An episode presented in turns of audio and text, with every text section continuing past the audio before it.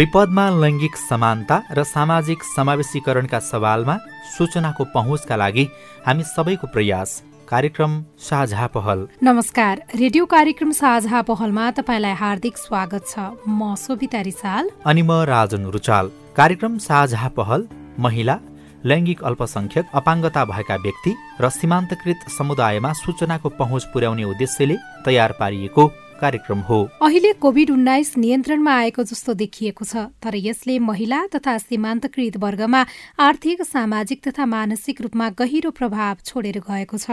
कार्यक्रममा हामी लैङ्गिक समानता र सामाजिक समावेशीकरणको दृष्टिबाट अब आउने कोभिड जस्ता महाव्याधि र विपदसँग सम्बन्धित प्रभावकारी तयारी प्रतिक्रिया र पुनः बारेमा छलफल गर्नेछौँ। लैङ्गिक समानता र सामाजिक समावेशीकरणको दृष्टिकोण भन्नाले हामी यस कार्यक्रममा महिला सीमान्तकृत वर्ग बालबालिका ज्येष्ठ नागरिक अपाङ्गता भएका व्यक्ति एकल महिला लैङ्गिक अल्पसंख्यक विभिन्न प्रकारका हिंसाबाट प्रभावित भएका महिला तथा किशोरी दीर्घरोगी गर्भवती तथा सुत्केरीका सवालहरूलाई प्राथमिकता दिनेछौँ। सँगै लैङ्गिक हिंसा तथा जातीय विभेद मानव बेचबिखनबाट प्रभावित भएका व्यक्तिहरू सामाजिक आर्थिक तथा नागरिक अधिकारबाट वञ्चित भएका व्यक्तिहरूको भोगाई उनीहरूका अपेक्षा पुनरुत्थानका लागि सरकारवालाले के गर्न सक्छन् विज्ञसँगको परामर्श साथै सरकारका योजना लक्षित वर्गको पहुँच र कार्यान्वयनको अवस्थाबारे खोजी पनि गर्नेछौ। साथै कोविडबारे फैलिएका अफवाहहरू भ्रम र गलत जानकारीलाई सम्बोधन गर्दै विज्ञसँगको सवाल जवाफ पनि प्रस्तुत गर्नेछौ र सबैको पहुँचमा आवश्यक सूचना पुर्याउने प्रयत्न गर्नेछौ। युएन ओमनको सहयोगमा ल्याक नेपाल र अकुराबको साझेदारीमा उत्पादन गरिएको कार्यक्रम साझा पहल सिआइएन मार्फत सामुदायिक रेडियोबाट देशैभरि सिआइएन खबर डट कम र मोबाइल एप सिआइएनमा पनि चाहेको बेला तपाईँ विश्वभरि नै सुन्न सक्नुहुन्छ। साथै सिआइएनको फेसबुक पेजमा गएर साङ्केतिक भाषामा पनि हेर्न सक्नुहुन्छ।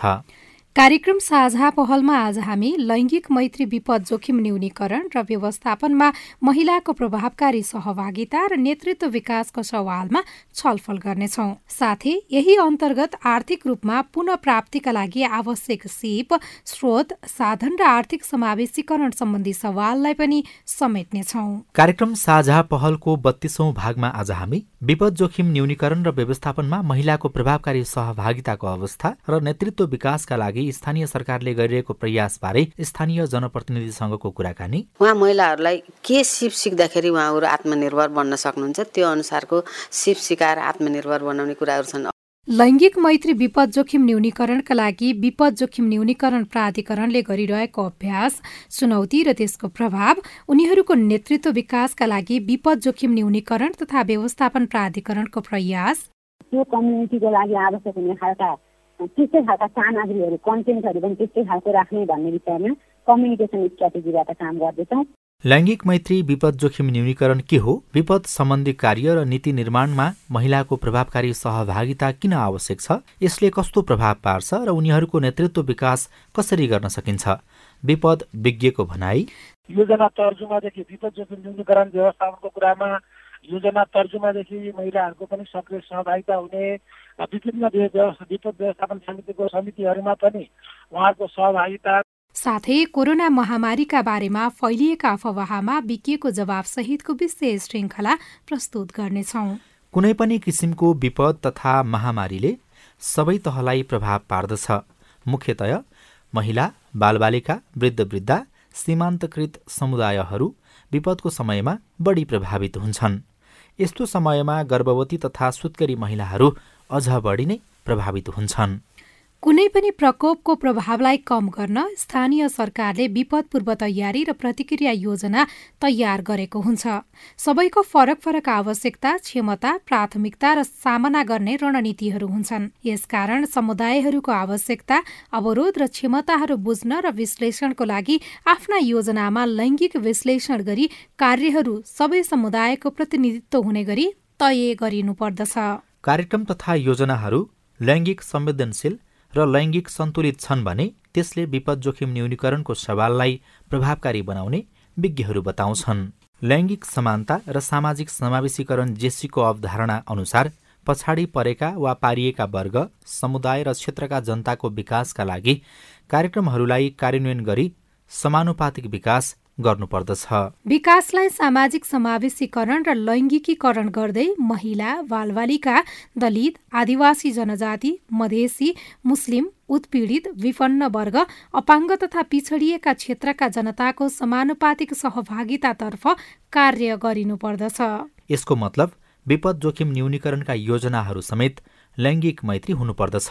रूपन्देहीको बुटबल उपमहानगरपालिकाले भने आफ्ना विपदका योजना लैङ्गिक मैत्री भएको दावी गरेको छ। साथी अस्मिना पाण्डेले पालिकाका उपप्रमुख सावित्रा देवी अरियालसँग गर्नुभएको कुराकानी कार्यक्रमको अबको पालोमा। विपद व्यवस्थापनमा महिलाहरूलाई कतिको चुनौती छ भन्ने बारेमा वास्तवमा महिलाहरूलाई विपद मात्रै होइन। घरको बिहान उठेदेखिको अफिसियल कामदेखि लिएर सबै कुरामा महिलाहरूलाई चुनौती छ। त्यसका बावजुद पनि घरको काम सकेर अफिसमा आएर उपमेयरको हैसियतले यो चेयरमा बसिरहँदाखेरि धेरै चुनौतीहरू छन् किन भन्दा कतै पहिरो गएको छ त्यहाँ सुत्केरी महिला छ निस्किन पाएको छैन त्यहाँ बिरामी महिला छ निस्किन पाएको छैन त्यहाँ बच्चा बच्चीहरू बालबालिकाहरू छन् आमा काममा जानुभएको छ निस्किन पाएको छैन फोन आउँछ अनि तुरुन्तै मान्छे पठाउनुपर्छ उद्धारका लागि। पहिरो गएको ठाउँमा बाढी आएको ठाउँमा पनि त्यही खालको अवस्था हुन्छ। मान्छे गरिबीका कारणले बच्चा बच्ची घरमा एक्लै छोडेर आमा बुवा काममा गइरहेको अवस्था हुन्छ। त्यहाँ पनि हामीले हतार हतार मान्छेहरू पठाउनुपर्छ कहिलेकाहीँ त हामी विपद भयो भन्ने बित्तिकै मान्छे पठाएर उद्धार गर्न पनि सफल हुन्छौँ। कहिलेकाहीँ मान्छे पुग्दा पुग्दै त्यहाँ दुर्घटना पनि हुनसक्छ। यसलाई न्यूनीकरण गर्नका लागि वास्तवमा बुटोल महानगरपालिकाले प्रत्येक वार्डमा विपद व्यवस्थापन समिति गठन गरेको छ। नगरको वार्ड अध्यक्षको संयोजकत्वमा त्यो वार्ड अध्यक्षले त्यहाँबाट गर्ने विपदका कामहरूलाई अगाडि बढाउनुहुन्छ र हामीसित लिनुपर्ने परामर्शहरू लिँदै उहाँले चाहिँ कामहरू अगाडि बढाउनुहुन्छ।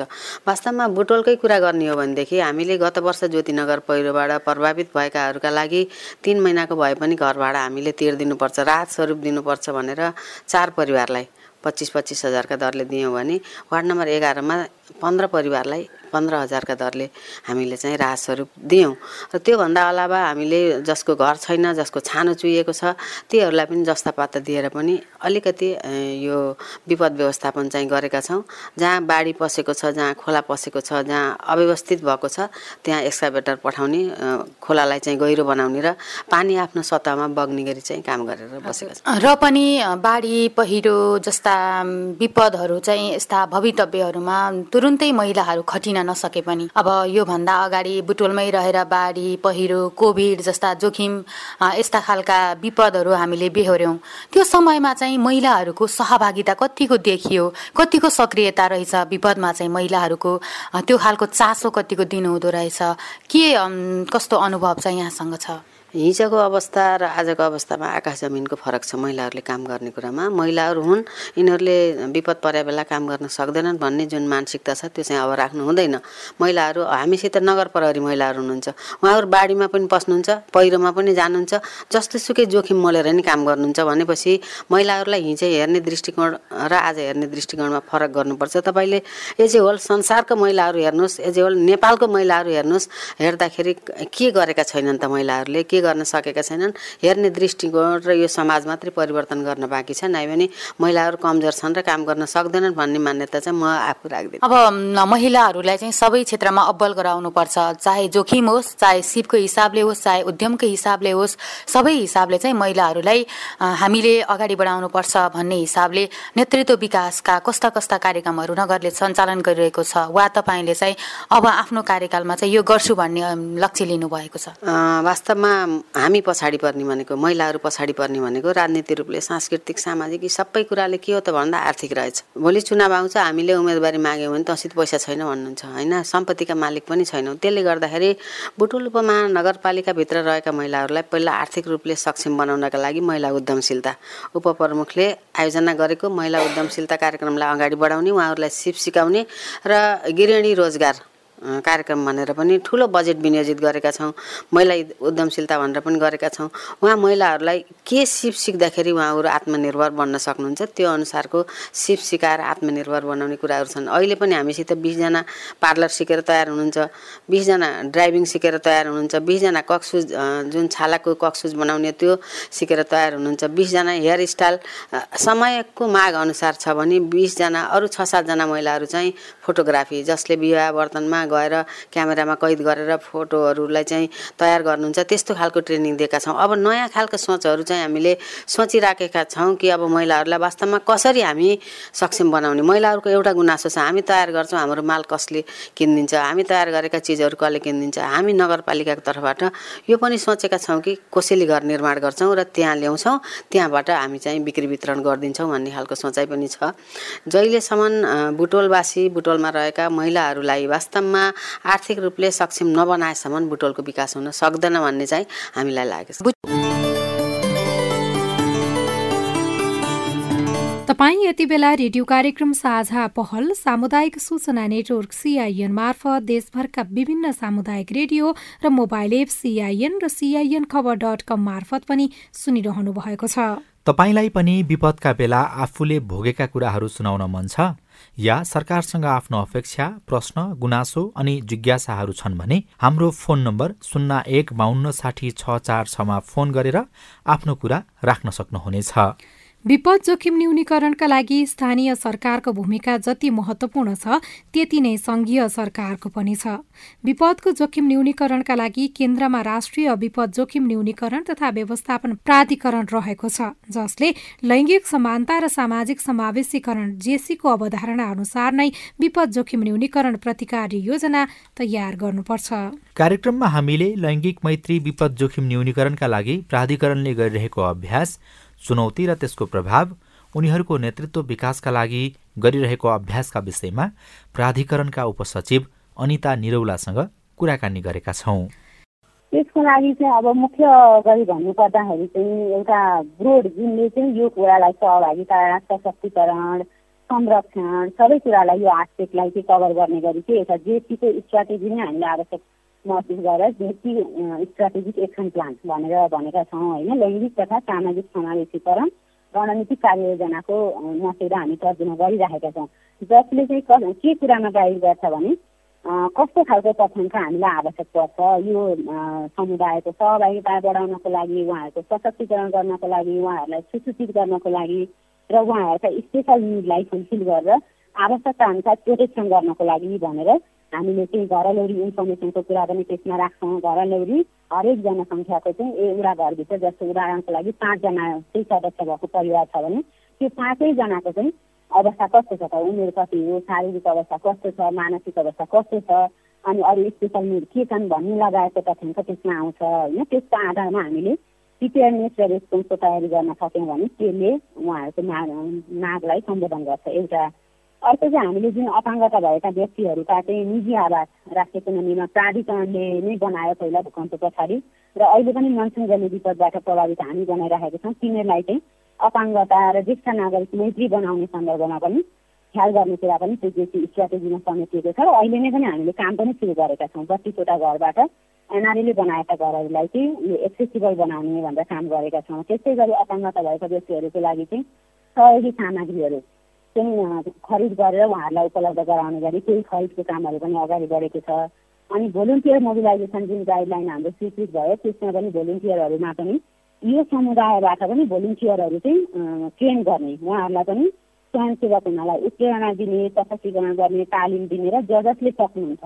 उहाँहरूको शारीरिक अवस्था मानसिक अवस्थाले यदि सक्ने अवस्था छ भनेदेखि उहाँहरूलाई चाहिँ उत्प्रेरणा गरेर तालिम दिएर उहाँहरूलाई पनि भोलिन्टियरमा ब्युरोमा आबद्ध गराउने त्यही अनुसार उहाँहरूलाई मोबिलाइज गर्ने स्किल स्किल डेभलपमेन्टका ट्रेनिङहरू दिने र उहाँहरू मार्फत चाहिँ त्यो समुदायमा अझै भत्ता सूचना पुर्याउने भन्ने पनि छ त्यसै गरी चाहिँ लोकल डिजास्टर रेजिलियन्स फ्रेमवर्क भनेर हामीले पोर्साको अक्टोबरको पानी जुन ठुलो वर्षा भयो त्यसबाट सङ्कटग्रस्त क्षेत्र घोषणा भएका तेत्तिसवटा स्थानीय तह छन् त्यो तेत्तिसवटा स्थानीय तहबाट सुरु गरेका छौँ लोकल डिजास्टर रेजिलियन्स फ्रेमवर्क बनाउनको लागि प्राविधिक सहयोग प्राधिकरणले उपलब्ध गराएको छ भने सम्बन्धित स्थानीय तहहरूकै नेतृत्वमा त्यो चाहिँ अब दुई हजार तिससम्म चाहिँ सम्बन्धित गाउँपालिका अथवा नगरपालिकालाई विपदको जोखिमबाट सुरक्षित बनाउनको लागि के के गर्ने भन्ने विषयमा उहाँहरूले आफ्नो एउटा फ्रेमवर्क र डिजास्टर म्यानेजमेन्ट प्लान पनि बनाउँदै हुनुहुन्छ।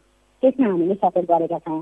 भने अर्को चाहिँ कम्युनिकेसन स्ट्राटेजी नै बनाएर विपदको बेलामा गरिने सञ्चारहरू अथवा विपदको जोखिमको बारेमा जानकारी गराउने विषयमा सञ्चारमा चाहिँ हामीले यो जोशीको आस्पेक्टबाट हामीले के कुरामा ख्याल गर्नुपर्छ? कसरी त्यो समुदायलाई चाहिँ सही सूचना सही तरिकाले र उहाँहरूले बुझ्ने माध्यमबाट कसरी उपलब्ध गराउन सकिन्छ भन्ने सन्दर्भमा पनि यो रणनीति मार्फत हामीले काम गर्दैछौँ र कोही पनि नछुटौँ र उहाँहरूले जस्तो खालको माध्यमबाट जस्तो सूचना उहाँहरूलाई आवश्यक पर्छ त्यो सूचना चाहिँ पुर्याउने गरी हामीले सञ्चारका रणनीतिहरू प्रयोग गर्ने त्यही अनुसार हाम्रा मिडियाहरू चुज गर्ने भाषाहरू छनौट गर्ने अनि त्यसपछि त्यो कम्युनिटीको लागि आवश्यक हुने खालका त्यस्तै खालका सामग्रीहरू कन्टेन्टहरू पनि त्यस्तै खालको राख्ने भन्ने विषयमा कम्युनिकेसन स्ट्राटेजीबाट काम गर्दैछौँ। र मुख्य गरी चाहिँ यो हाउस होल्ड लेभलको भलनरेबिलिटी म्याप म्यापिङ जुन चौधवटा स्थानीय तहबाट सुरु भएको छ त्यसलाई चाहिँ स्केल अप गरेर सबैवटा स्थानीय तहमा पुर्याउन सक्यौँ भने चाहिँ हामीसँग भएको तथ्याङ्कको आधारमा जुन सङ्गीत तथ्याङ्क छ त्यसको आधारमा हामीले चाहिँ उद्धार राहत र त्यसपछि पुनर्निर्माण पुनर्स्थापना जोखिम न्यूनीकरणमा पनि सबै ठाउँमा चाहिँ त्यो तथ्याङ्कलाई उपयोग गरेर हामी कामहरू गर्न सक्छौँ भनेर यसरी अगाडि बढ्दैछौँ भने अर्को एउटा चाहिँ टक रेस्पोन्सिभ सोसियल प्रोटेक्सनको गाइडलाइन पनि हामी तयारी गर्दैछौँ जुन अहिले हाम्रो सामाजिक सुरक्षाको हाम्रो कार्यक्रमहरू छ नेपाल सरकारले अगाडि सारेको। त्यसलाई पनि विपदको बेलामा तत्कालै रेस्पोन्स गर्न सकिने खालको बनाउनको लागि त्यही तथ्याङ्कलाई पनि उपयोग गर्ने र त्यसमा केही कमी कमजोरीहरू छन् भने थप तथ्याङ्कहरू पनि त्यसमा इन्टिग्रेट गरेर हामीले चाहिँ विपदको बेलामा तुरुन्तै रेस्पोन्स गर्न सकियोस् अथवा अगाडि पनि अर्ली एक्सन पनि गर्न सकियोस् भन्ने किसिमले पनि त्यसलाई टाइअप गर्ने गरी पनि गाइडलाइन नै बनाएर अलिकति काम गर्दैछौँ। विपदको समयमा स्थानीय महिलाहरूले खेल्न सक्ने भूमिका र उनीहरूको क्षमता अभिवृद्धि गराउन बेला बेलामा सिप विकासको तालिमको आवश्यकता बढ्दछ। जुन स्थानीय सरकारले उनीहरूलाई उपलब्ध गराउन सक्दछन्। यस्तै लैङ्गिक समानता र सामाजिक समावेशीकरण जेसीको अवधारणा अनुसार पनि पालिका तहको नीति कानून योजना कार्यक्रम बजेट आदिको तर्जुमा गर्दा महिला दलित अपाङ्गता भएका व्यक्तिहरू एकल महिला लैङ्गिक तथा यौनिक अल्पसंख्यक सीमान्तकृत तथा पछाडि परेका वर्ग र सबै समुदायको अर्थपूर्ण सहभागिता तथा प्रतिनिधित्वको सुनिश्चित गरिनुपर्ने डिपी नेटका अध्यक्ष सूर्यबहादुर थापाको भनाइ छ। एकदमै राम्रो कुरा छ यो। विगतमा चाहिँ वास्तवमा यो लैङ्गिक मैत्री जोखिम न्यूनीकरण व्यवस्थापनको कुराहरूमा अलिक कमै ध्यान दिएको थियो। र अहिले पछिल्लो चरणमा चाहिँ अलिकति यो समावेशीका हिसाबले र यो लैङ्गिक मैत्री हिसाबले पनि हुनुपर्छ भन्ने खालको कुराहरू आइरहेपछि यो विपद के अरे लैङ्गिक मैत्री विपद प्रतिकारी योजनाहरू बनाउने कामहरू त सुरुवात भएको छ। र जुन ढङ्गबाट प्रभावकारी रूपमा हुनुपर्ने अथवा चाहिँ त्यो प्रतिकारी योजनाहरू बनाइसकेपछि पनि त्यसको जुन हिसाबले कार्यान्वयन हुनुपर्ने हो त्यसमा चाहिँ त्यति तदारुकता आउन सकिरहेको छैन। तर पनि एउटा चाहिँ अब खुसीको कुरा के छ भने पछिल्लो समयमा आएर यो समावेशी हिसाब र यो चाहिँ जुन लैङ्गिक मैत्रीको कुराहरू छ त्यो चाहिँ विपद जोखिम व्यवस्थापनका कुराहरूमा पनि आउन योजनाहरू बन्ने कुराहरू चाहिँ सुरुवात भइरहेको छ। हजुर। अलिकति हामीले चाहिँ यो लैङ्गिक मैत्री विपद जोखिम न्यूनीकरणको विषयमा पनि जानकारी आओस् भन्ने हिसाबले यो लैङ्गिक मैत्री विपद जोखिम न्यूनीकरण भनेको चाहिँ कस्तो खालको योजना हो? यसले चाहिँ विपद सम्बन्धी कार्य तथा नीति निर्माण गर्दाखेरि चाहिँ कसरी महिलाहरूको प्रभावकारी सहभागितालाई चाहिँ सुनिश्चित गर्दछ? एकदमै राम्रो। यसमा के छ भने तपाईँको यो लैङ्गिक मैत्री विपद व्यवस्थापनको कुराहरू गर्दा चाहिँ विशेष गरी समावेशीकै कुराहरू आउँछ होइन? समावेशीको कुराहरूको गर्दै आउँदाखेरि महिलाहरूको एउटा त्यस योजना तर्जुमादेखि विपद जोखिम न्यूनीकरण व्यवस्थापनको कुरामा योजना तर्जुमादेखि महिलाहरूको पनि सक्रिय सहभागिता हुने विभिन्न विपद व्यवस्थापन समितिको समितिहरूमा पनि उहाँहरूको सहभागिता र सहभागिता मात्रै नभइकन पनि एउटा अर्थपूर्ण खालको सहभागिता रहने कुराहरूमा जोड दिनुपर्ने र सँगसँगै यो चाहिँ तपाईँको अलिकति नेतृत्व विकास गर्ने कुराहरूमा पनि जोड दिनुपर्ने खालको अवस्था अहिलेको अवस्थामा देखिन्छ। र त्यसपछि चाहिँ जुन चाहिँ लैङ्गिक मैत्री विपद व्यवस्थापनको कुराहरू गर्दै गरिराख्दाखेरि चाहिँ विशेष गरी यो राहत र उद्धारका कुराहरूमा सहयोग पुर्याउने कुराहरूमा पनि जस्तो महिलाहरूको लागि आवश्यक पर्ने सा सामग्रीहरूको वितरण गर्ने कुराहरू सहयोग पुर्याउने कुराहरू विशेष गरी गर्भवती महिला सुस्केरी महिलाहरू त्यसमा पनि अझै यो ज्येष्ठ नागरिकको कुराहरू बालबालिकाका कुराहरू यिनीहरू अझै एड्रेस गर्ने गरी उनीहरूको आवश्यक पर्ने कुराहरू जस्तो भनौँ न गर्भवती महिला छ भने अलिकति पोषणका कुराहरूको जरुरी पर्ला त्यसपछि अब सुत्केरी महिला छ भने अब सुत्केरी भएको आमा प्लस उसको बच्चाको लागि चाहिने लिटो होला पिठो होला यस्ता कुराहरू पनि सहयोग गर्नुपर्छ भन्ने खालको यस्ता खालका योजनाभित्रै यो कुराहरू आउने र राहत दिने संस्थाहरू सरकारी निकायहरू गैर सरकारी क्षेत्रहरूले पनि राहत दिँदाखेरि महिला र पुरुषको मात्रै ध्यानमा नराख दिमागमा नराखिकन हामीले राहत दिँदाखेरि गर्भवती महिलाहरू पनि हुन्छन् सुत्केरी महिलाहरू पनि हुन्छन् साना केटाकेटीहरू पनि हुन्छन्। उनीहरूलाई पनि सहयोग दिने उनीहरूको स्वास्थ्यलाई पनि सहयोग गर्ने खालका चाहिँ सामग्रीहरू दिनुपर्छ र यसको पूर्व तयारीका कुराहरू गर्दाखेरि पनि त्यो कुरालाई पनि दिमागमा राखेर चाहिँ योजनाहरू बनाउने कार्यान्वयन गर्ने कामहरू गरिसकेपछि पनि त्यो ढङ्गबाट काम भएका छ कि छैनन्।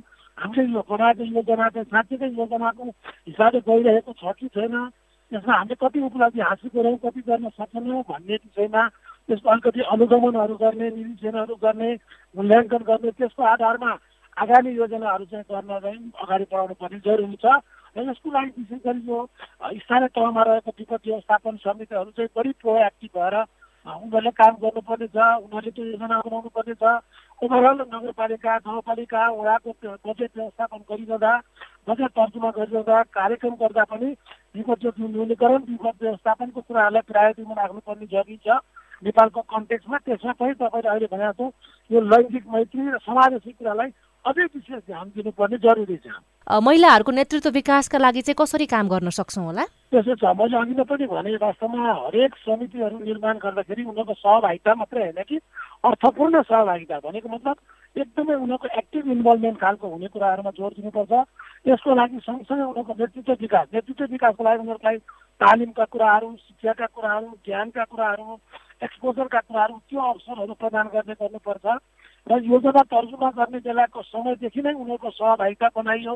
त्यो खालको उनीहरूको नेतृत्व विकास गर्यो भने हरेक डेभलपमेन्ट सेक्टरमा पनि उनीहरूको नेतृत्व हुन्छ र सँगसँगै यो विगत जोखिम न्यूनीकरण र व्यवस्थापनका क्षेत्रमा पनि यो महिला क्षेत्रहरूको चाहिँ अथवा चाहिँ भनौँ न पछाडि परेका सीमाङ्कित वर्गहरूको पनि त्यसको चाहिँ नेतृत्व लिन सक्ने र उनीहरूले नेतृत्व लिँदाखेरि आफ्नो क्षेत्रको समस्याहरूलाई बढी चाहिँ उनीहरूले बुझ्ने भएको हुनाले पनि यो कुरालाई अझै बढाइ बढी प्रायोरिटीमा राखेर उनीहरूको नेतृत्व विकासको लागि अहिले भनेको जस्तै तालिम शिक्षा ज्ञानका कुराहरू एक्सपोजरको कुराहरूमा चाहिँ अलिक बढी जोड दिनुपर्छ त्यसको लागि सम्बन्धित निकायहरू नगरपालिकाहरू गाउँपालिकाहरू सरकारी गैर सरकारी क्षेत्रले अलिकति लगानी पनि बढाउनु जरुरी छ।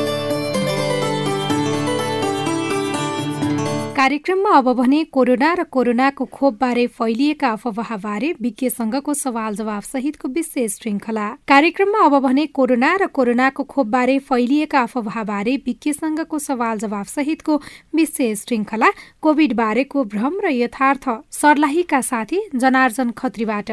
कोभिडबारे भ्रम र यथार्थमा आज हामी सर्लाहीका सर्वसाधारणको जिज्ञासा समेट्दैछौँ। नमस्कार म सिर्जना खत्री सर्लाहीबाट।